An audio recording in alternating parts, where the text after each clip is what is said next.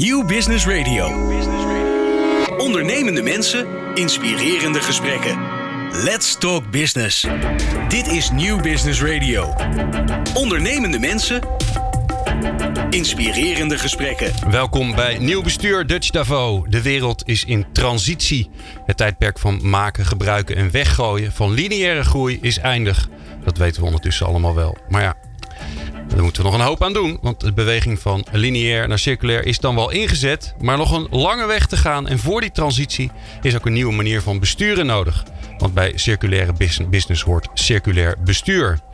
Ja, hoe gaat die blauwdruk van het circulaire besturen er eigenlijk uitzien? Wat zijn de Nederlandse invalshoeken op het gebied van circulair besturen? Wie zijn de voorlopers, de game changers binnen Nederland? Op 28 november 2019 organiseert Nieuw Bestuur de conferentie Dutch Davo. In aanloop daarnaar maken wij een reeks radioprogramma's waarin we telkens bestuurders uit één sector centraal zetten, zoals de zorg, het onderwijs en de energie, want daar gaan we het vandaag over hebben. Onze gasten zijn Jeroen de Haas, voormalig CEO van Eneco, en Koen Overtoom, CEO van havenbedrijf Amsterdam. En onze columnist vandaag is Sven Jetsen. En Sven die uh, zorgt, gaat ervoor zorgen dat, uh, dat, ja, dat de wereld gered wordt. Dat zei hij net vooraf in, in het voorgesprek. Dus dat, dat, dat belooft nogal wat voor zijn column. Deze aflevering van Nieuw Bestuur door TV wordt mede mogelijk gemaakt door Stichting De Boomgaard. Ik ben Glenn van den Burg. En mijn co-host die naast mij zit en initiatiefnemer van dit programma is Mildred Hofkes van Nieuw Bestuur. Nieuw Business Radio. Nieuw Business Radio. Ondernemende mensen, inspirerende gesprekken. Let's talk business. Ja, Mildred, weer een nieuwe aflevering van Nieuw Bestuur Dutch Davo. Ja, Wat, hoe, leuk, hoe is leuk dat we er weer zitten. Ja, hè? Ja. Ja, dat is wel fijn. Dat zou het zijn als je zegt, nou, uh, ik heb er eigenlijk niet zoveel zin meer in. Of, ik, heb er altijd, ik heb er altijd heel veel zin in. Ja, maar het betekent ook wel dat er nog, nog steeds een hoop te doen is. Nou, we zijn natuurlijk nu in aflevering 5 beland. En het mooie is dat we eigenlijk steeds meer puzzelstukjes uh, zichtbaar worden van dat hele nieuwe de Delta-plan van, hè, zoals wij dat noemen, van de, het nieuwe besturen, wat over Nederland gelegd gaat worden, hopelijk. Om mogelijk te maken waar we natuurlijk allemaal naar op zoek zijn, hoe we de economie van lineair naar circulair kunnen krijgen. Ja. Nou, vandaag uh, een, een, hele belangrijke sector waar we het over hebben. Want de, ja, de energiesector, ja, dat gaat over alles. Want dat zit in alles. In ja. alle andere sectoren zonder energie kun je niet zoveel. Hè. Stel je maar eens even voor dat je geen stroom hebt. Nou, ik kom in ieder geval niet meer van A naar B. tegenwoordig. Want ik heb een elektrische auto. Uh, dus uh, dat is nogal wat. We hebben twee hele leuke gasten in de studio. Jeroen uh, de Haas, voormalig CEO van Eneco. Dus die, ja, die, die zit en zat midden in, in dat hele geweld van die energietransitie. En Koen Overtoom, CEO van het havenbedrijf Amsterdam. Um, Jeroen, even bij jou beginnen. De energietransitie, een zeer gangbaar begrip. Hè? Dat zie je tegenwoordig overal langskomen. Dat was jaren geleden wel anders. Um, nog even terug. Waarom is het zo van belang dat, we, dat, we, dat het anders gaat? Dat we die transitie door gaan maken? Nou ja, jullie zeiden bij de introductie uh, uh, zelf al. Um, als we doorgaan zoals we nu energie gebruiken en opwekken dan gaat dat gewoon ten koste van onze leefomgeving. Ja. Uh, dus dat kan niet meer. Heel simpel. Uh, en dat is niet alleen CO2, dat is fijnstof, dat is eigenlijk alles. Als je dus in de steden komt. Ik ben ook elektrisch met de trein. Hè. Met de fiets naar de trein. Ik vraag me langzamerhand af of het nog wel gezond is om met de fiets in een vrij drukke Koninginnengracht naar, naar het station in Den Haag te fietsen. Dus het is niet alleen CO2, het is ook heel veel andere stoffen. En dat zijn we het eigenlijk allemaal over eens. Het moet afgelopen zijn. Nou, dat betekent voor het energiesysteem dat het ook behoorlijk anders moet. En dat kan. Ja, en hoe groot is de impact van, van zeg maar, nou ja, de energie die wij gebruiken op, op de, de uitdaging waar we voor staan? Al is het ja. alleen nog maar de, de CO2-uitstoot. Als je wij uh, over de consument hebt, zoals we hier zitten, dan is dat ongeveer een derde van het totale energiegebruik. We hebben natuurlijk ook door de industrie. Het vervoer, mobiliteit. Ik ben zelf recent betrokken bij, niet alleen bij het havenbedrijf, maar ook als commissaris bij een, bij een uh, rederij. Nou, als er één sector is die ook naar die duurzaamheid uh, moet en waar het nog best lastig is hè, om op uh, grote oceanen CO2-vrij te vervoeren, ga er maar aan staan, mm -hmm. dan is het die. En met elkaar is dat 100% van onze energieuitstoot. Ja. En wat, ja. ja, ik, ik zit ja, er, ja, ja. omdat je het zegt over de consumenten, wat je nu ook steeds vaker leest in columns en zo van uh, in de kranten, is dat mensen zeggen het is wel erg warm buiten. Hè? Het wordt steeds warmer. Zie je daar ook al meteen een relatie? Nou nee, kijk, als je kijkt naar, naar ik, en, dan, en dan citeer ik gewoon de KNMI. Als je kijkt naar de huidige warmte, dan is die statistisch nog steeds verklaarbaar. Okay. En wat ze wel zeggen is, de, de, de, de, de pieken en de dalen, dus veel stormen, maar ook afgewisseld met grote hittes, die, die gaan vaker voorkomen. Nou weet je zo geloof ik nog steeds niet zeker of de, of de warme zomers zo'n piek is. Maar het is wel zeker dat de, de, de, de uh, weersverschillen, ook in Nederland, uh, gaan toenemen. Gaan toenemen. Ja. En Jeroen, waarom, ehm, waarom maak je je persoonlijk zo druk over dit onderwerp? Dus waar komt jouw energie vandaan om, ja, om, om die energietransitie voor elkaar te krijgen? Nou ja, dan moet ik eigenlijk terug toen ik ooit begon als bestuurder. Uh, toen dacht ik, wanneer heb ik het nou goed gedaan? En, en, en uh, uh, als CEO was ik toen, of CEO maakt eigenlijk niet uit als je in het bestuur zit. Ik vroeg me in ieder geval af wanneer, wanneer vinden de anderen dat ik het goed heb gedaan. En dan kom je bij de klanten of de mensen. En ik dacht toen van nou, ze vinden het vast fantastisch als ik nou van, van een bedrijf een volledig duurzaam maatschappelijk bedrijf maak. Je komt er overigens vrij snel achter dat je het op de verwachting van anderen niet volhoudt. Uh, dan de, okay. uh, je, je kunt er wel op beginnen, op starten. En dan ga trots gaan vertellen, kijk eens wat ik heb voor elkaar gebokst windmolens op zee of zonnepanelen op daken, whatever. Mhm. Maar je komt er vrij snel achter dat je het pas, als, pas echt lang volhoudt als het ook een diepe overtuiging is. En het was bij aanvang was dat nog een beetje uh, bibberig, zeggen dan mogen maar even. Want ik dacht, wat betekent het eigenlijk? Het is namelijk een enorm lange weg in alle sectoren. Dat hebben jullie in de vorige programma's uh, onderdelen ook al laten zien. je doet het niet in een jaar. En niet in twee jaar. En, en je moet het waarschijnlijk ook weer doorgeven, zoals ik, aan de bestuurders die na ons komen. Dus het is een hele lange adem. Met best veel hiccups en tegenvallers. Ja. En dat hou je, heb ik ervaren, alleen maar vol als je zelf als mens overtuigd bent dat het goed is om te doen. En, dat en hoe kwam je daarachter dan? Want hè, eerst op zich een hele goede vraag. Hè? Wanneer vinden anderen dat ik het goed heb gedaan? maar je geeft al aan, ja, daarna dat, dat, is, dat helpt je een beetje, maar uiteindelijk moet het toch vanuit jezelf komen. Ja, Hoe vind je dat dan? Dat vind je gaandeweg, dat vind je gek genoeg, met name bij tegenvallers. Want dan heb je de neiging te denken, ja, krijg maar iets met duurzaam. Hè? Als, het, als het tegenvalt, als het financieel tegenvalt of het gaat niet zo makkelijk. Kun je nog een moment herinneren? Ja, kijk, bijvoorbeeld wind op zee, dat, was, dat is nu uh, volledig geaccepteerd. Het is ook bijna een van de goedkoopste vormen van energie. Daar staan mensen wel eens niet bij stil. Maar ik zag laatst weer een recente discussie over kernenergie. Het is een van de duurste. En wind is een van de goedkoopste, zo niet de goedkoopste vorm van energie. Nou, toen ik startte was het een van de duurste. En zeker wind op zee. Uh, en dat valt dan tegen. Uh, je, hebt, je hebt echt nog steun van de overheid nodig. Dan krijg je voor één park steun. En voor het tweede park, kan ik me nog heel goed herinneren, zei de overheid: ja, maar nu houden we even op met die steun. Dat is heel erg lastig als bedrijf. Nou, dat zijn van die momenten waar je denkt: krijg maar iets met je wind op zee. Hmm. En dan, dat zijn de momenten waarop, waarop ook anderen je gaan helpen. Ja, maar we, we zouden dit ook doen.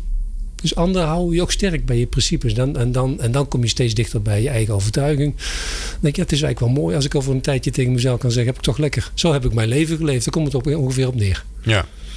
Uh, maar het is niet zo makkelijk als het nu klinkt. Nee, dat, nee, dat, dat lijkt me. Want uh, hey, je, gaat, je doet iets vanuit volle overtuiging. Omdat je ook denkt dat anderen dat willen. En vervolgens loop je tegen je eigen grenzen aan. Koen, herken je dat? Ja, ik ken heel, ik ken heel veel delen. Uh, kijk, wat ik zelf had is dat je... Je wil goed doen voor je achterban, hè, voor je stakeholders. Nou, uh, ik werk al een tijd bij de haven. Dus in eerste instantie was dat bij ons heel erg tonnen, hè, tonnen gedreven. Nou, hoe meer tonnen doorheen gaan, hoe beter dat is. Want dat is zeehavengelden. En eigenlijk in 2015 merkte ik bij mezelf in de opmaat naar het klimaatakkoord uh, dat het gewoon niet meer houdbaar was. En dat je eigenlijk zegt van ja, als haven is zijn tonnen zijn, zijn mooi, maar uiteindelijk gaat het natuurlijk veel meer om waarde.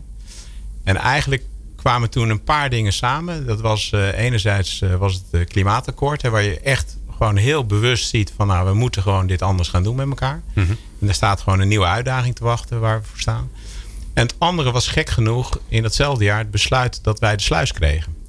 En die sluis was eigenlijk ook heel erg gedreven op die tonnen en helemaal niet op die waarde. En, en toen we zo en de sluis kregen en het klimaatakkoord, toen was, waren we ook vrij in ons hoofd om te zeggen, ja, wat wil je dan uh, als haven zijn? En uh, toen hebben we dus veel meer ingezet eigenlijk op die waarde.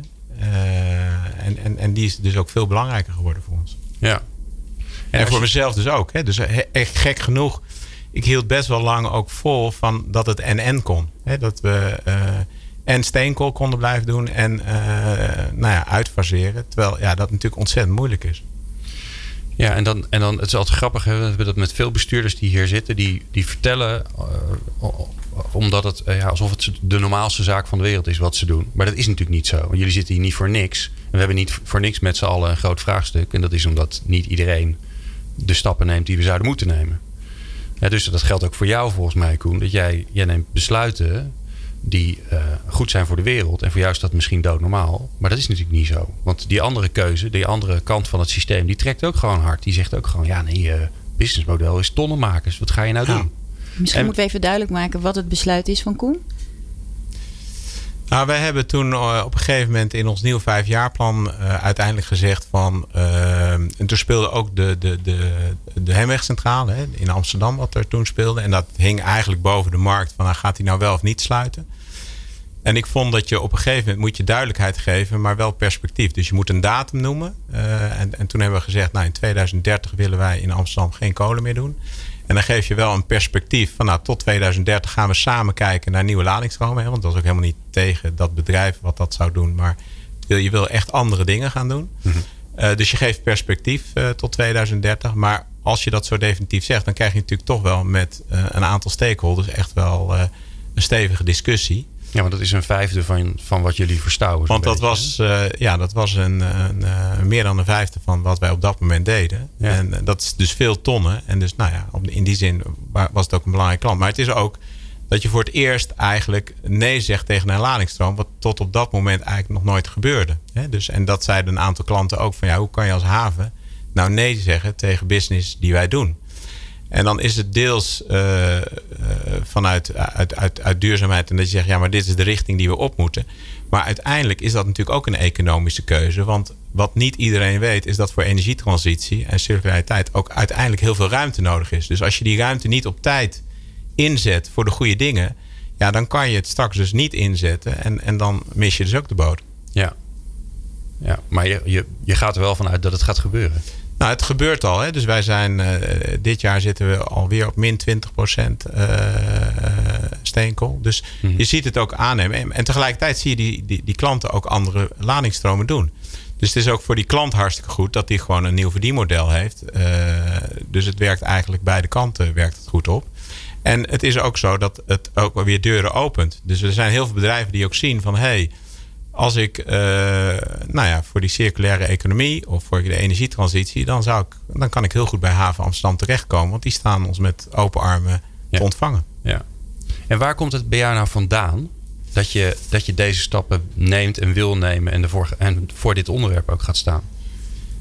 Nou, ik, ik doe dingen graag in, uh, in, in teamvorm. Hè. Dus, dus uh, dat was uh, vroeger met, met sporten of alles wat ik doe. en, en dat nu die duurzaamheid, dat is echt gekomen door die opgave die in 2015 bij mij wel redelijk zichtbaar werd. Van ja, wij moeten iets gaan veranderen. En dan heb je dus een nieuwe opgave waar je met elkaar voor gaat. En dat hebben wij intern besproken. Dus dat hebben wij met onze medewerkers besproken. Daar hebben nou, dat was best een lastige discussie. En wat je dan ziet is dat Waarom? Men, Waarom was dat lastig? Nou, omdat ik dat zelf ook wel had. Je verschuilt je heel snel achter de continuïteit van je bedrijf. Mm -hmm. Dus je hebt heel snel zoiets van ja, maar als ik hier dit niet doe, uh, gaat mijn bedrijf dan nog wel op een goede manier door? En terwijl je persoonlijke mening soms in, in sommige situaties al veel verder is dan uh, ja, hoe je je verbonden voelt met je bedrijf. En op het moment dat je dat los kan laten, en dat kwam met name ook door die, die zeesluis die we kregen en een aantal randvoorwaarden waarvan we wisten van nou, voor de toekomst is die haven gewoon, nou dat ziet er gewoon goed uit. Dan kan je ook wat vrijer denken. En als je dan je persoonlijke mening geeft, dan kom je er eigenlijk achter dat, en dat kwam ik achter bij heel veel medewerkers ook, dat we al veel verder waren binnen ons bedrijf dan, uh, dan waar we tot op dat moment uh, uh, de richting gaven. Ja. En is dat misschien, ik kijk jullie even allebei aan hoor, is dat dan misschien onderdeel van die circulaire bestuurder dat hij één persoon is. Dat hij dat, dat zijn persoonlijke visie, zijn persoonlijke meningen, dat hij, dat dat niet thuis laat.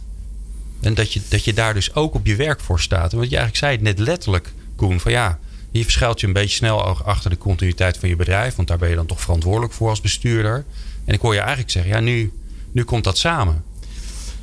Nou, ik, bij mij was het heel erg dus het, mensen uit het bedrijf ook zelf. Hè? En, en, en, en ook uh, je stakeholders die op een gegeven moment merk je in de maatschappij ontstaat er een ontwikkeling dat je denkt van ja, maar dit kan niet meer zo langer. En dan was het dus niet zozeer vanuit mezelf, maar meer zo van nou, de groep om mij heen. Mm. Dat we echt dachten van nou, dit moeten we anders gaan doen. Ja. Ja, ik, ik, ik, herken helemaal wat Koen uh, zegt. Ik zou zeggen dat, dat, dat ik de. Kijk, je bent niet voor niks de leider. Hè? Uh, uh, dus het is toch één grote ontdekkingstocht vanuit je functionele rol.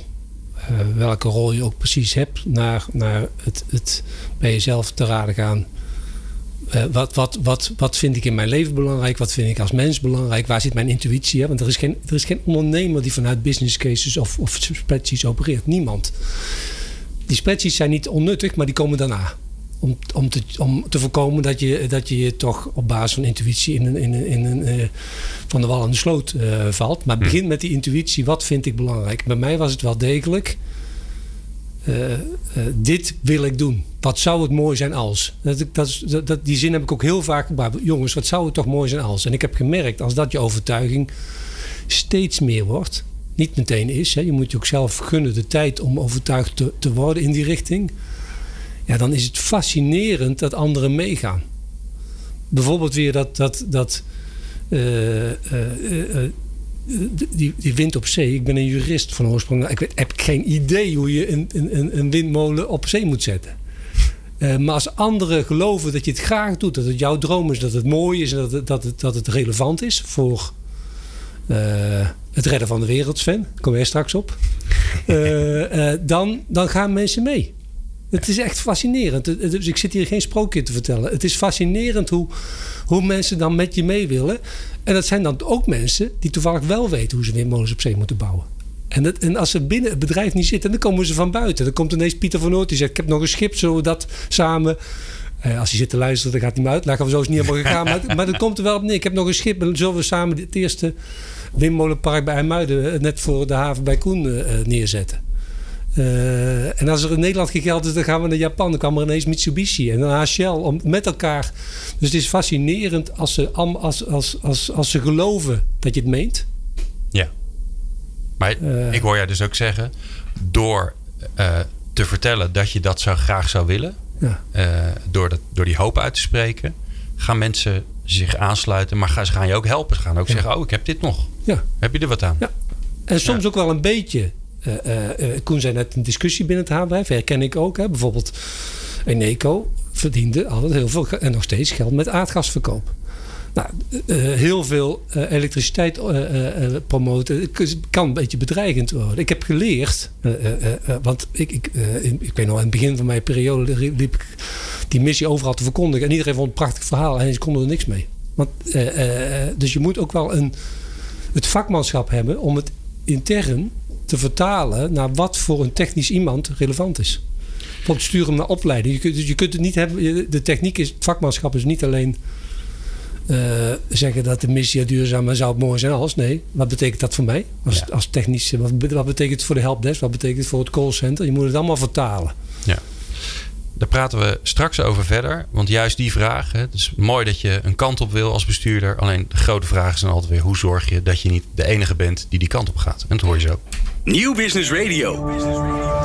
Non-stop lekkere muziek voor op het werk en inspirerende gesprekken. In de studio uh, bij Nieuw Business Radio, uh, nieuw bestuur Dutch Davo, Jeroen de Haas, uh, voormalig CEO van Eneco en Koen Overtoom, CEO van havenbedrijf Amsterdam. We praten over ja, de energiesector en de hele transitie die daar gaande is. We hebben net wel even gehad over jullie persoonlijke drijfveren.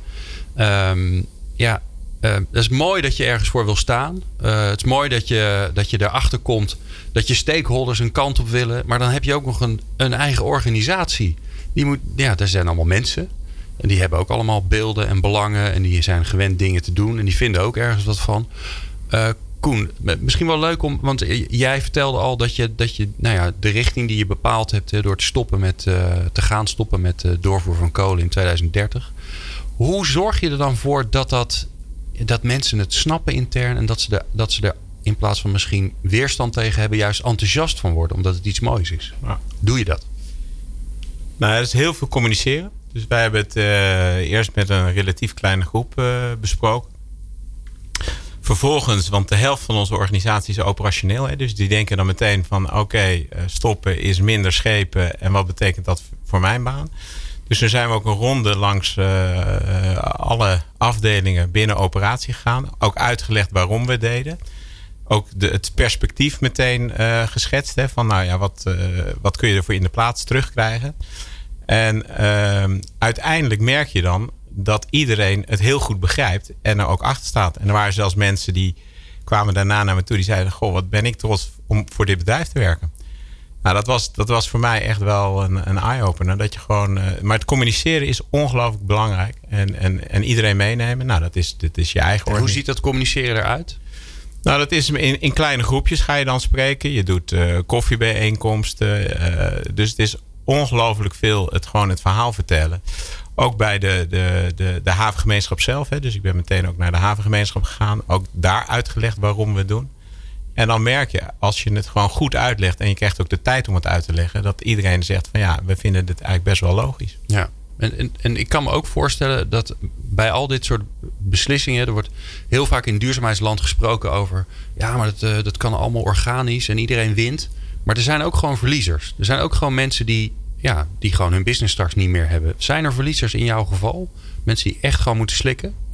Nou, in dit geval, de, de, de, de, kolenbedrijven zelf, die hadden natuurlijk wel, uh, en met name de aandeelhouders van die kolenbedrijven, die hebben wel een punt dat ze zeggen: ja, uh, Koen, dit, dit, dit uh, kost geld. Hè? Hoe, hoe, kijk je ernaar? En we hebben rechten. En, dus, dus nou, dan ga je uiteindelijk ga je met die organisaties ook in gesprek. Die zeggen: ja, maar die transitie gaan we ook samen doen. We gaan ook samen kijken naar nieuwe ladingsstromen. En ik denk uiteindelijk dat in dit verhaal er ook niet echt verliezers zijn. En dat is het mooie er eigenlijk ook van. Want uiteindelijk, kijk, je hebt dan een discussie van, goh, wanneer moet het dan plaatsvinden? Als het niet 2030 zou zijn, is het dan 2035 of 2038? Maar dan nog zit je op dat moment op een dood spoor. Dus het is, het is gewoon een kwestie van timing. En ik denk door op een gegeven moment een datum te noemen, dan wordt het ook een beetje oncomfortabel. Want dan moet je er ook naar gaan acteren. Ja. En ik denk dat dat ook, ook het goede is wat nu in de huidige discussie eh, plaatsvindt met stoppen met Gronings gas dat je dus uiteindelijk iets laat zien van ja, er moet echt iets anders gaan gebeuren, want anders gaan we het gewoon niet redden. Ja. Ja, heb jij zo'n soort uitspraak gedaan, Jeroen, in de organisatie? Van de, op die datum dan hebben we dit bereikt? Datum niet, maar wel het doel, 100% duurzaam, was de missie. Duurzame energie voor iedereen. Dus dat, dat was al wild genoeg.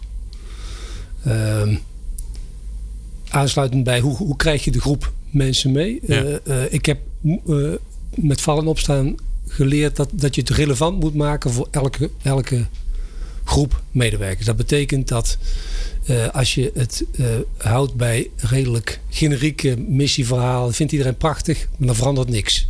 Het wordt wat anders. Dat, noemen, dat heb ik geleerd, dat noemen we dan cascaderen. In het begin had ik daar een beetje een hekel aan. Dat, oh god, wat gaan we voor een circus opzetten. Maar ik heb echt uh, wel geleerd van, in, van collega's dat dat moet. Dat, je, dat, dat technische mensen, monteurs, zich op een hele andere manier laten overtuigen. Uh, dan mensen bij de helpdesk of bij de klantenservicebedrijf of, of projectleiders. En je moet het elke keer vertalen, je missie, naar relevantie voor elke groep medewerkers. En dat geldt net zo, met Cornelis geldt net zozeer voor de buitengroep. Je moet vertellen wat betekent het voor jou als klant. Ja. En, en als je dat doet, dus je gaat samen verder, dan gaat, heb ik ook, is mijn ervaring met iedereen het mooi, gaat iedereen mee. Ja. En neem ons eens even mee, want uh, uh, ik, uh, ik ben monteur en ik zit in, de, in, in, jullie, in jullie gasonderdeel. en dat, ja, jij vertelt dat we daarmee gaan stoppen op termijn. Ja. Nou, dat is leuk. Ja, wat, wat, wat, er dan, wat, er dan, in het algemeen gebeurt, nou, je doet het aardig. Ja, je, je, je aardig, aardig. Ik ben ook in mijn, in mijn, ik ben ook gasmonteur. Ja, ja nee. Uh, en, en, wat je dan zegt is, ten eerste duurt het nog even, over drie jaar stopt dat. Ja. Bijvoorbeeld. Ja, uh, dan maar, dan komt, maar, dan, maar dan gloort er een hele andere wereld voor technologie. Uh, die, we, die we jou gaan leren. Oké. Okay. en dat is een nieuwe wereld die eigenlijk nog veel leuker is als gasttechnologie. Want het is eigenlijk, dat is een technologie ben het eigenlijk met deze woorden niet eens, maar ik ga maar even door op deze lijn. Dat is eigenlijk, want, want gas is niet van het verleden, maar goed, uh, de, zoiets zeg je dan. Gas is van het verleden en de toekomst zit bij wind, zon en bij integratie achter de meter. Ja. Uh, en, en, en, en, daar nemen we je in mee. En dan gloort perspectief. Nu als mensen dat zien, zoals eigenlijk het kolenbedrijf in Amsterdam, wat Koen noemde. Als je mhm. een perspectief ziet mhm. en, je, je, je, je, drukt hem niet op het moet morgen, dan gaat hij mee. Want iedereen ziet wel dat het eraan komt. Nou ja, en het, en het mooie is natuurlijk dat ik me ook kan voorstellen dat uiteindelijk wil iedereen natuurlijk zekerheid, continuïteit hebben in zijn werk, continuïteit hebben in zijn organisatie. Um, en uh, kun je dat mensen dan ook bieden? Want ik kan me ook voorstellen dat het, dat het in jouw geval bij Eneco geldt en gold. Uh, ja, dat de weg die je ingeslagen hebt, die, die heeft voor ook heel veel andere stakeholders heel veel, heel veel veranderingen. Uh, de, je gascentrales die net gebouwd, die waren volgens mij net gebouwd. En, en ja, dan, dan zeg je dus eigenlijk, ja, het is leuk dat ze er staan. Maar die dingen die, eh, die gaan we maar eens even snel afschrijven. Want die, die proberen zo min mogelijk te gaan gebruiken. Ja, nou, die konden toevallig nog wel een rol spelen als het niet waaide. Ja. Dat, uh, of te hard waarde. Maar je hebt gelijk. Ja. Uh, je hebt gelijk. Er zijn betrokkenen bij je bedrijf die in eerste instantie zich bedreigd voelen door die keuze. Dan denk je, ja, maar zo raak ik out of business. Ja. Grote klanten in, in de industrie. En zelfs daar, het kost soms, dat is ook zoiets hè eh, het gaat niet in een paar maanden, wat ik net al zei. Het duurt soms jaren. Maar nu hebben we ineens allerlei technologische ontwikkelingen waarmee je de overvloed aan windstroom die bijvoorbeeld s'nachts, als iedereen ligt te slapen en nergens elektriciteit nodig is, die zouden we kunnen vertalen naar waterstof en die kun je weer gebruiken om de chemie te verduurzamen. Ja. Dan heb je die oplossing. Terwijl tien jaar geleden was het één grote bedreiging voor de petrochemie. En ik moet hem toch vragen. Als je nu kijkt wat er allemaal gebeurt. Hè? Jij, in de tijd dat jij begon uh, over, uh, over de energietransitie, toen was er nog bijna niemand mee bezig. Nu is iedereen ermee bezig. Nu is het altijd nieuws. In, uh, de Shell doet alweer overnames om weer duurzaam pad op te gaan. Hè? Dus nou, als, die, als die zelfs aan het bewegen zijn, dan, dan is er blijkbaar wat aan de hand. En juist in die periode dat het allemaal wat meer voor de wind gaat, ben je er niet meer. Vind je dat niet gewoon onwijs vervelend? Dat je denkt, ja, je hebt jarenlang keihard voor gewerkt komt de wind in de rug. En uh, sta ik hier. Nee. Nee? Nee. Waarom niet? Nou ja, omdat ik ook behoorlijk wat wind in de rug heb gehad de afgelopen jaren. Ook bij, bij, uh, in mijn rol bij Eneco. Dat is één. Okay. En ten tweede, geloof er nu weer. Uh, ik vind het wel prettig nu. Het, is even wat minder druk. Het is een enorme hoeveelheid vrijheid. En die, heb je, die heeft een mens, ga ik weer naar dat mens, ook nodig. Ja om te kijken en hoe, hoe kan we hoe kunnen, want ik, ik merk al, het kleeft aan mij en dat vind ik ook niet erg. Die duurzaamheid is in elke sector relevant. Waar ik ook kom, uh, uh, of het nu in de rederij uh, zit of een ingenieursbureau. en het is best leuk om wat ik heb meegemaakt en geleerd bij Neken, want zoveel van dat soort ervarings, concrete ervaringsbedrijven zijn er niet. Nee. Om dat met een beetje tweaken weer te vertalen naar een andere sector. Oké. Mooi. Nou, iemand anders die uh, de wereld gaat redden, want dat heeft hij ons uh, beloofd, uh, is Sven Jensen. En die hoor je straks met zijn column over climate, ik wou zeggen climate takeback. Dat zit zo in mij, in mij gestopt door volgens mij, wat is het, interface, die is, is ermee begonnen. Maar bij jou heet het, heet het totaal wat anders, maar het heet namelijk Climate Cleanup. Dat is namelijk jouw organisatie waar je mee bezighoudt. En Sven hoor je straks met zijn column over ja, zijn wens en zijn daden om die klimaatverandering om te keren. Dat hoor je zo. Let's Talk Business op Nieuw Business Radio. Het is tijd voor de column. In uh, Nieuw Bestuur Dutch hebben we in elke aflevering een column. En uh, deze aflevering is Sven Jensen, onze columnist van dienst. ja, en die heeft een hele bijzondere persoonlijke missie. Want hij heeft het namelijk zijn persoonlijke missie gemaakt om het klimaatprobleem op te lossen. Ach ja, hè? Atlas die nam ook maar de hele wereld gelijk op zijn, uh, op zijn schouder. En dat doet uh, Sven ook. Dat doet hij onder meer als oprichter van Climate Cleanup. Een uh, groep ondernemers en financiers die uitstoot stoppen. Dat zijn we wel gewend. Maar wat hij ook nog eens een keer doet... is dat hij CO2 uit de lucht gaat halen... en zo de natuurlijke balans gaat herstellen. Sven, wat leuk dat je er bent. En we zijn ongelooflijk benieuwd naar je column. Wij onderschatten onszelf. Ik ben van 1976 en tijdens mijn leven zijn 9 van de 10 grote zeedieren verdwenen. Van de basis van de voedselketen in de oceanen, het fytoplankton, is sinds die tijd bijna de helft weg. En ook de insecten zijn ongeveer gehalveerd in 40 jaar. Stel dat je die lijn doortrekt. Hoe ziet de wereld eruit? Van Lovel, mijn tweejarige zoontje, als hij straks 40 is. Ik heb besloten deze beweging te keren. Wat gebeurt er als we onze vernietigende kracht ombuigen naar creatie? Want dat kunnen we. We maken wegen, we verleggen rivieren, we maken raketten waarmee we elektrische auto's wegsturen naar Mars. Toch is het voor het herstellen van de relatie met onze omgeving nu een wonder nodig. Maar ook daar zijn wij goed in. Wonderen zoals elektriciteit voordat we het konden bedwingen. Wonderen zoals penicilline voordat het er was. En het volgende wonder heet Climate Cleanup. Mijn zoontje is namelijk gek op opruimen. En hij is niet de enige. Er is in Nederland en daarbuiten een vernieuwende sector van ondernemers die CO2 vastleggen. Eddie Wijnker met olivijnzand, Juriaan Ruis die zet bomen in woestijnen en Hugo Immink bouwt, bouwt woontorens van hout. Joost Wouters kweekt zeewier en ook dat neemt heel veel CO2 op. De wonderen die zij verrichten zijn net zo natuurlijk als het leven. En deze ondernemers verdienen alle steun. Want weet je waarom wij landdieren kunnen leven? Omdat we zo'n 40 liter zoutwater dag in dag uit met ons meeslepen. Onze lichaamsappen lijken sprekend op de oceaan. Onze cellen werken nog steeds met processen die ontstaan zijn toen het leven net begon. En die processen hebben op aarde een evenwicht gevonden. De balans tussen CO2 in de lucht en als koolstof in levende wezens is voor dat evenwicht cruciaal. En wij verstoorden dat evenwicht door fossiele planten en dieren op te graven en te verbranden. Nu herstellen wij die balans door de CO2 weer vast te leggen. En wij kunnen dat met natuurlijke methodes die waarde toevoegen. Bomen bouwen zichzelf met CO2 uit de lucht. Met betere landbouw leggen we CO2 vast in onze akkers. En waarom zou je er geen bouwmaterialen van maken? Bouwen met hout, dat kan al eeuwen. En er zijn nu al bouwblokken waar CO2 in zit. Elk gebouw wordt zo'n opslagplaats voor CO2. Hoe ziet de wereld eruit aan het eind van mijn leven? Over 40 jaar hebben wij te veel aan CO2 opgeslagen in landbouwgrond, in wegen en gebouwen. En natuurlijk zijn we gestopt met het verbranden van fossielen, want schone energie is nu ook al vaak goedkoper. En steeds meer mensen hebben bij het tanken van benzine gewoon een rotgevoel. Maar vooral, we wonen en leven straks allemaal in een prachtig hersteld landschap met bomen, planten en dieren, waarin we ook snel schoon en goedkoop naar onze vrienden en geliefden kunnen.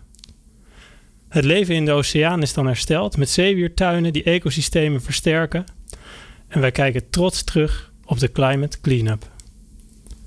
Als oude man zit ik dan naast mijn zoon en mijn geliefde aan de voet van de duinen en samen kijken we uit over de zee.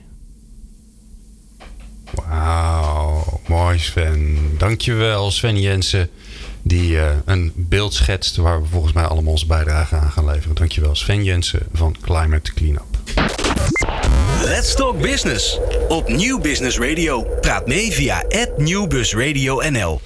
Ja, met in de studio Jeroen de Haas en uh, Koen Overtoom. Uh, heren, we gaan uh, de stap maken naar, ja, naar de, de impact die we nodig hebben. En dat is nogal wat.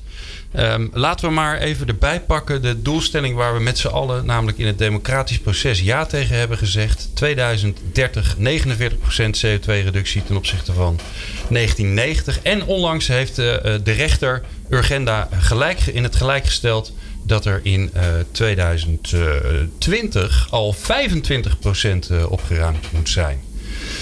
Nou, um, jullie, jullie bewegen je in de wereld van de energie. Uh, dat is een, uh, hele belangrijke, speelt een hele belangrijke rol in het, uh, in het verlagen van die, van die CO2. Gaan we dat redden? Hele eenvoudige vraag.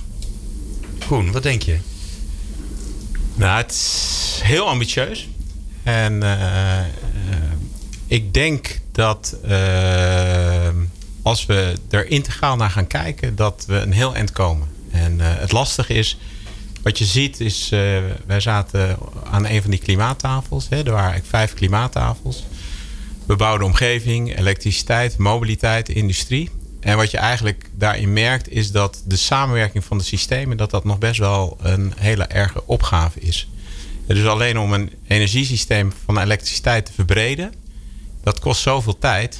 En de vraag is, heb je die tijd uiteindelijk? Dus je moet inderdaad integraal gaan kijken en kijken hoe we met elkaar, en dan praat ik over partijen die windmolens op zee neerzetten, maar het moet ook nog aan land komen. Mhm. Vervolgens moet het ook nog in het elektriciteitssysteem. Doe je het met wisselstroom of met gelijkstroom. Als je al die partijen bij elkaar neemt en je gaat integraal dit probleem oplossen, dan, eh, dan gaat het lukken. Maar dat wordt nog wel een hele opgave. En als ik dan al die belangen. probeer dan een beetje te visualiseren hoe al die belangen zitten. En dan, dan ontstaat zich een kluwe in mijn hoofd. En ik denk, dat, dat, gaat, hem, dat, gaat, nooit, dat gaat hem nooit worden. Nou, Die, die belangen die, die zitten elkaar natuurlijk allemaal in de weg. Ja, maar ik denk als je een gezamenlijk doel hebt, dan eh, kun je wel die belangen op één lijn krijgen. En ik denk dat als je dat in, in, in regio's doet, hè, dus nou, wij kijken bijvoorbeeld nu naar het Noordzeekanaalgebied, uh, dan kom je wel een heel eind, omdat iedereen ziet dat het moet. Uh, en ik moet wel zeggen dat in die klimaattafels is voor mij voor het eerst echt duidelijk geworden dat mensen het ook echt samen willen. En als je het samen wil en je, en je hebt iets moois voor ogen, dan kun je wel een heel eind komen. Oké, dus jij voelt daar aan tafel met die andere bestuurders met wie je aan tafel zit. Uh, ja. Dus het gaat de goede kant op. Ja, ik, Koen, ik wil daar toch even op aanhaken. We hebben ook een podcast gemaakt met uh, Ed Nijpels, hè, de, de, de, de, de, de, drager zeg maar, van de klimaattafels en het klimaatakkoord. En die gaf aan dat de grote lijnen liggen er nu. En nu maar nu moet het concreet worden. Nu, moet het, nu wordt het spannend. Nu worden de belangen worden steeds scherper. En uh, wat natuurlijk interessant is aan jullie allebei, hè, als je het zo bekijkt, jullie, maken, jullie hebben het allebei concreet gemaakt. Hè. Jij bent heel concreet met kolen 2030 de haven uit. Uh, Jeroen heeft het heel concreet gemaakt tot en ook 50% inmiddels van, van Eneco is duurzaam. Dus dat zijn echt wel hele concrete doelstellingen die ook behaald zijn. Heb je genoeg vertrouwen? Hè, dat is misschien een moeilijke vraag, maar ja, daarvoor zitten we hier. Heb je genoeg vertrouwen in de medebestuurders hè, dat zij ook zulke stappen gaan zetten? Ja, ik heb daar absoluut vertrouwen in. Kijk, ik denk dat één ding anders is dan wat bij Eneco speelde en bij Haven Amsterdam. Kijk, dit waren op zich nog wel beslissingen die je voor je eigen bedrijf kon nemen. En waar uh, het vraagstuk waar we nu mee bezig zijn over gaat, is dat uh, de duurzame energie en circulaire economie gaat heel veel ruimte vragen. En die ruimte kun je op verschillende manieren indelen. En fysieke ruimte, hè, Fysieke ruimte, ja. ja. Dus het gaat er gewoon over van ga ik die ruimte geven aan bebouwde omgeving? Ga ik die ruimte geven aan industrie? Ga ik die ruimte geven aan datacenters? Ga ik die ruimte geven aan, aan mobiliteit? Dus die ruimte, dat wordt de beperkende factor. En in tegenstelling tot wat binnen je eigen bedrijf speelt, is dit dus een overkoepelende ruimtevraag. En als je die centraal gaat, met elkaar gaat bespreken, dan kom je tot de oplossing. En de ruimte is niet waar we heel veel, heel veel van hebben in Nederland. en de ruimte is toch best een klein landje. Nee, de ruimte is niet waar heel veel waar we van hebben. Nee. Ja. En als, als je bijvoorbeeld alleen al, hè, wat ik, en ik praat nu mensen na die dat tegen mij gezegd hebben, maar als je alleen al de industrie wil verduurzamen, dan moet je de hele Noordzee vol met windmolens zetten. En dan heb je alleen de industrie verduurzaamd. Nou, als je dus dan ook nog zegt, ik moet de bebouwde omgeving en de mobiliteit, dan moet, dan moet je dus naar heel veel ruimte in geothermie, in zon, in wind, op land. Uh, dus je moet dan nog echt wel heel veel doen. En die ruimte, dat is denk ik de grootste bottleneck omdat iedereen denkt wat hij met die ruimte kan doen. Ja, dus wij moeten nog een, een aflevering over ruimte gaan maken. Ruimtelijke ordening, ja. ja. Toch? ja. Maar goed, we hebben net uh, de prachtige column van Sven gehoord. Die zegt er zijn eigenlijk oplossingen genoeg. Hè? Uh, dus misschien hebben we wel veel minder ruimte nodig. De technologie uh, haalt ons in. Ja, is het... Ja, ik denk wel wat Sven terecht zegt, is dat er zijn nog heel veel mogelijkheden om CO2 op te vangen. En, en dat zijn mogelijkheden in de zee en, en heel veel uh, in bouwgrondstof of in, in, in beton of nou, waar je het ook uiteindelijk zou willen doen. Maar de verduurzaming, hè, dus de, de, de elektriciteit die je uiteindelijk daarvoor nodig hebt, dat gaat wel heel veel ruimte vragen. Ja. Jeroen, wat denk jij als je kijkt naar het proces, de uitdaging waar we voor staan met z'n allen, de complexiteit? Ja, we gaan, we gaan het redden. Uh, toen Sven bezig was, deed me denken aan. Uh, ik, ik ben uh, een keer tijdens een sabbatical uh, in, in uh, Singularity University geweest. Uh, um, voor degenen die dat niet weten, een universiteit die heel erg gericht is op de, de, de impact van technologische ontwikkeling. Dus niet alleen sociaal-economisch, maar uitsluitend wat kan technologie. En Singularity zegt, in mijn eigen woorden eigenlijk, de technologie kan alle wereldproblemen oplossen. Nou heb ik daar een aarzeling bij, maar wat ik heb wel daar gezien, wat de impact is van dat geloof. Uh, uh, dat brengt ondernemers als Musk voor. Hè? Die, die, die, die eigenlijk het onmogelijke deed. Het uitdagen van de gevestigde automobielmerken om dat voor elkaar te krijgen. Moet je kijken wat hij voor elkaar heeft gekregen. China is op dit moment was, was, was toen ik begon in de energiesector by far de grootste fossiele uitstoters, is nu de, de grootste investeerder in duurzaamheid. Dus er zijn extreem grote bewegingen gemaakt als ik terugkijk. Als ik af en toe wat somber dreigt word en dan heb ik eigenlijk geen zin in, dan kijk ik altijd terug en dan kijk ik, verdomd, de afgelopen twintig jaar, in ieder geval die tijd dat ik in de energiesector heb gezeten, is er veel meer gebeurd dan ik had durven uh, dromen. En op basis van dat geloof denk ik dat het kan. Er is wel één ding, en dat heeft niks met technologie te maken is wel uh, uh, leiderschap. Dat is een beetje oudbakken woord, maar dat, dat leiderschap, je hebt wel durf nodig. Precies wat, wat Koen zegt, als je, als je, je, moet, je moet iedereen erbij nodig hebben. Zoals we dat ook destijds, is iedereen vergeten waarschijnlijk. Ik heb het nog meegemaakt, het zure, zure rekenprobleem hebben opgelost. Ook een heel complex probleem. Het enige ja. voordeeltje tussen aanhalingstekens, voor de, voor de luisteraars, ik zet aanhalingstekens tussen, uh, um, uh, was dat het heel zichtbaar was, het nadeel. Namelijk onze bossen gingen eraan. Dat is het nadeel van CO2. Je ziet het pas als het te laat is. Ja. Uh, zeespiegel gaat heel langzaam totdat het onomkeerbaar is. Hè? Dat is die anderhalve graad. Dus dat is het nadeel, maar toch wordt het steeds zichtbaarder. Uh, en dat uh, leiderschap is wel belangrijk. en daar is durf belangrijk. En durf komt met overtuiging. Dus ik roep wel, en eigenlijk iedereen die een leiderschapsrol heeft, op om meer durf te tonen en bij zichzelf te raden gaan. En wanneer durf ik het nou? En dan zul je ja. zien dat je dan uitkomt bij jezelf als mens.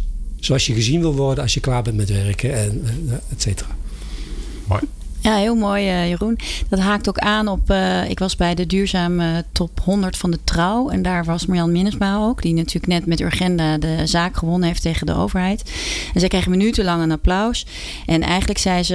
Er werd natuurlijk aan haar gevraagd: wat is de volgende stap? En zij zei: We hebben eigenlijk een soort masterplan nodig in Nederland. Een leiderschapsstijl à la Kennedy. Van we zeggen: we gaan naar de maan. En we gaan over vijf jaar staan we daar. Hè, zoiets. Is dat waar je naar op, toe oproept? Ja, uh, dat type leiderschap. Maar die moet wel een, een, een basis hebben. Kijk, uh, Marjan, Marjan is fundamenteel overtuigd. Al zolang ik haar ken en ook daarvoor weet ze wat ze wil. En weet ze dat ze dit wil doen. En dat ze, ze is ook bereid daar flink haar nek voor uit te steken. Want nu krijgt ze het applaus. Maar er waren ook momenten waar ik dichtbij ben dat ze ook verguisd werd om, uh, door, door, bijvoorbeeld mijn eigen uh, energiesector. Dus het is doorzetten. Ja. En dat heeft ook bij Marjan, bij alle uh, goede leiders te maken met dit wil ik nou eenmaal. Of ik nou applaus krijg of niet. Ja, dus dat, dat heeft toch steeds heel veel te maken met dat je vertrouwt op je eigen overtuiging. En dat je ook weet wat die is überhaupt. Ja. Daar begint het natuurlijk bij. Uh, we hebben in alle afleveringen van, uh, van Nieuw Bestuur Dutch Javo... vragen we na afloop aan de, aan de gasten... gaan jullie straks ook doen... Uh, om een vraag te stellen aan de volgende gasten. een vorige aflevering hadden we Calver Heijen en Diana Monus in de studio... over de zorgsector.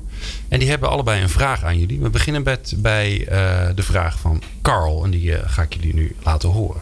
Ik ben Carl Heijen um, van de Nobel Foundation. En ik heb voor jullie de volgende vraag... Um, in de energiewereld ga je echt een transitie doorheen. Moet je naar echt een andere verdienmodellen en een andere manier van kijken naar je, naar je businessmodel. Hoe krijg je dat mensen niet alleen hun gedrag daarin veranderen, maar er ook voor zorgen dat ze er trots op kunnen zijn dat het nieuwe gedrag hoort bij deze nieuwe tijd? Nou, Koen. Um, kijk, hij eigenlijk stelt die twee vragen, want hij heeft het over nieuwe verdienmodellen. Ja. En, uh, maar, maar, ik denk even beperken tot nieuwe verdienmodellen. Ik denk dat uh, in de energiesector er een, een ander verdienmodel moet gaan komen. En uh, ik zal een voorbeeld geven wat, wat best wel ingewikkeld was binnen ons eigen bedrijf. Maar wij hebben een soort smart grid gemaakt binnen de haven van Amsterdam. Om eigenlijk de zon en de wind die lokaal wordt opgewekt, eigenlijk aan bijvoorbeeld de binnenvaart te geven. Of aan de riviercruise. En uh, wat je dan merkte is dat dat best wel ingewikkeld was met aanbestedingsregels, andere regels waar je aan moest voldoen. Terwijl als je een rechtstreekse relatie maakt tussen waar het wordt opgewekt en waar het verbruikt wordt, en die verbruiker die zegt, joh, ik ben bereid dit ervoor te betalen.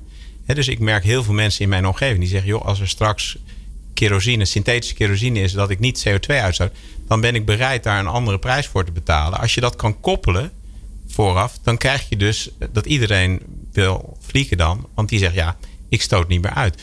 Dus je moet kijken naar hoe kan ik het, een financieel systeem maken waarbij je de opwerker en de eindgebruiker veel sneller en directer aan elkaar koppelt.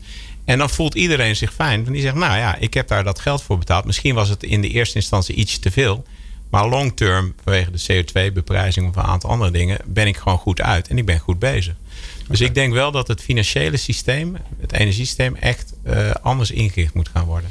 Het klinkt ook een beetje alsof, alsof je, uh, hè, dat heb je natuurlijk in allerlei markten gezien met, uh, met Airbnb en met Uber, die eigenlijk een hele tussenhandel tussenuit heeft gesloopt. Dat zou je met energie natuurlijk eigenlijk ook iets moeten hebben. Een soort uh, makkelijke manier om via een appje te zeggen: Oh, ik wil vandaag wel zonne-energie. Ja. Ik zet hem even aan. Ik merk wel, maar dan kijk ik ook naar, naar Jeroen, dat, dat dit heel ingewikkeld is. Dus energiebedrijven vinden dit heel bedreigend en ingewikkeld, om, omdat ze natuurlijk verdienen aan die imbalance. Maar ik denk uiteindelijk dat je daarmee wel een systeem gaat creëren. Eh, wat, wat uiteindelijk uh, veel sneller effectief gaat worden. Ja. We hebben ook nog een vraag van Diana Modussen. Uh, en daar gaan we even naar luisteren. Diana Monussen, bestuursvoorzitter Prinses Maximus Centrum te Utrecht. Ik heb een algemene vraag. Ik ben heel erg benieuwd of de alternatieve bronnen van energie... Um, of die voldoende aangeboord worden. A. Maar B ook hoe die bekend kunnen worden bij het grote publiek. Dat het grote publiek daar ook over kan gaan vragen. Nou. Nou Jeroen, die is voor jou hè? Ja, dat, daarmee, daarmee raakt ze hem ook wel een beetje uh, uh, op een zwakke plek. Want ik dacht nou net dat we daar afgelopen tien jaar behoorlijk in geslaagd werden. Maar goed, dus hoe ga ik me hier nu weer uit, uit, uit, uit redden? Eerst is dat, dat uh, en dat is ook een beetje nog terug naar, naar, naar Karel, uh, die ik vooral nog ken vanuit zijn prestatiestuk mm. uh, op het ijs. Maar dat is weer een ander duurzaamheidsvraagstuk trouwens. Maar goed, um, ik ben eigenlijk nog heel weinig mensen tegengekomen, of het nu de bazen waren van grote bedrijven of gewoon consumenten, die het niet leuk vonden om te verduurzamen. Iedereen vindt het leuk. Althans, ik ben, ik, soms kom je iemand tegen die het allemaal flauwekul vindt. Hmm. Uh, maar dat is een uitzondering. Dus er zit in elk mens een enorme uh, uh, laag die het leuk vindt. Leuk vindt, maar dan moet je hem wel zo aanspreken als bedrijf. Dan moet je ook bereid zijn dat heel belangrijk te maken in je marketing.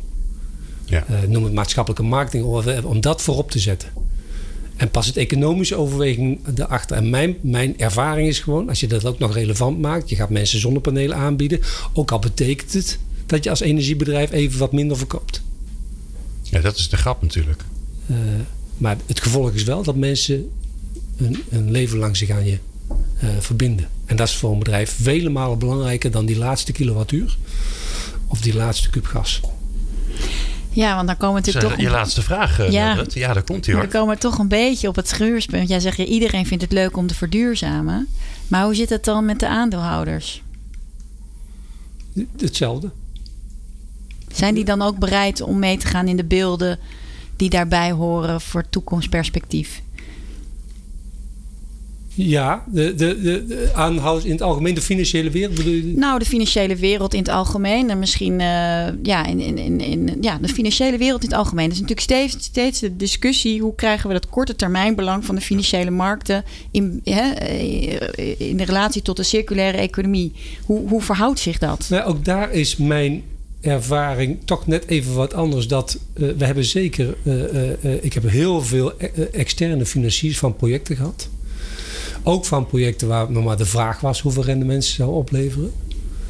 Uh, en altijd waren er ook wel, wel organisaties te vinden die mee wilden op die reis. Niet alleen maar omdat ze het een goed idee vonden, uh, maatschappelijk, maar ook omdat ze wel wisten dat niet meegaan in de verduurzamingsbeweging uiteindelijk leidt tot een heel groot risico als bedrijf.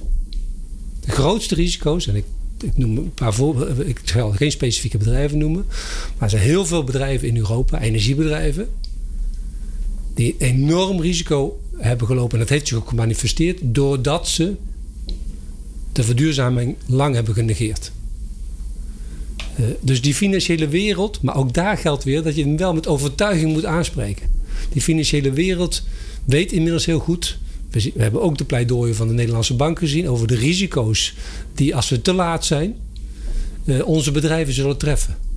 Dat is heel erg bedreigend. Maar als je dit omdraait, zeg je, er is ook een enorme opportunity als wij wereldwijd voorlopen. Ja. Als Nederlandse bedrijfsleden, of het nu chemie is of havenbedrijven, energiebedrijven, dan hebben we ook positie in een wereldmarkt om die technologie of die uh, uh, marketing kan ook wereldwijd uit te ponden. Dus, dus ik ben daar, ook daar is mijn ervaring net wat uh, anders. In het algemeen, als je kijkt naar de financiële sector als geheel, vind ik dat ze nog veel te weinig kennis hebben van verduurzaming. Het loopt wat mij betreft heel sterk via de kenniskant. Mhm. Oké. Okay. dames en heren, um, de vragen van de heren. Over, we gingen al een beetje naar de financiële markten. Die horen jullie in de volgende aflevering van uh, Nieuw Bestuur Dutch Davo. Uh, jullie hebben geluisterd naar Jeroen de Haas, voormalig CEO van Eneco. En Koen Overtoom, CEO van het havenbedrijf Amsterdam. Heren, bijzonder bedankt voor, uh, voor jullie aanwezigheid. En jullie ongelooflijk optimistische blik. Ja, want het is best wel een heftig onderwerp. Maar ik ga weer heel vrolijk naar huis. Dus dat is Graag mooi. gedaan. Ja, nou ja. Ja, ik vond het heel fijn.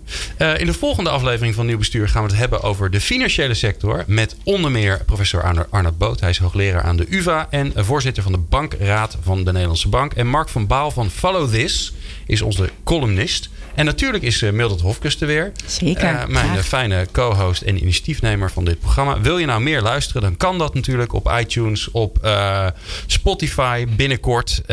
en die moet dan gewoon even zoeken op nieuw bestuur. En dan vind je ons en dan kun je alle afleveringen, het zijn er, dit was de vijfde ondertussen, want we hebben ook nog een special gemaakt. die kun je allemaal beluisteren. dus wij spreken je graag en horen je graag weer over een maand. En als je nog meer wil weten, kun je ook naar de website nieuwbestuur.nl. Nou, dan heb ik volgens mij alles gehad. Tot de volgende keer. Nieuw Business Radio. Ondernemende mensen, inspirerende gesprekken. Let's talk business.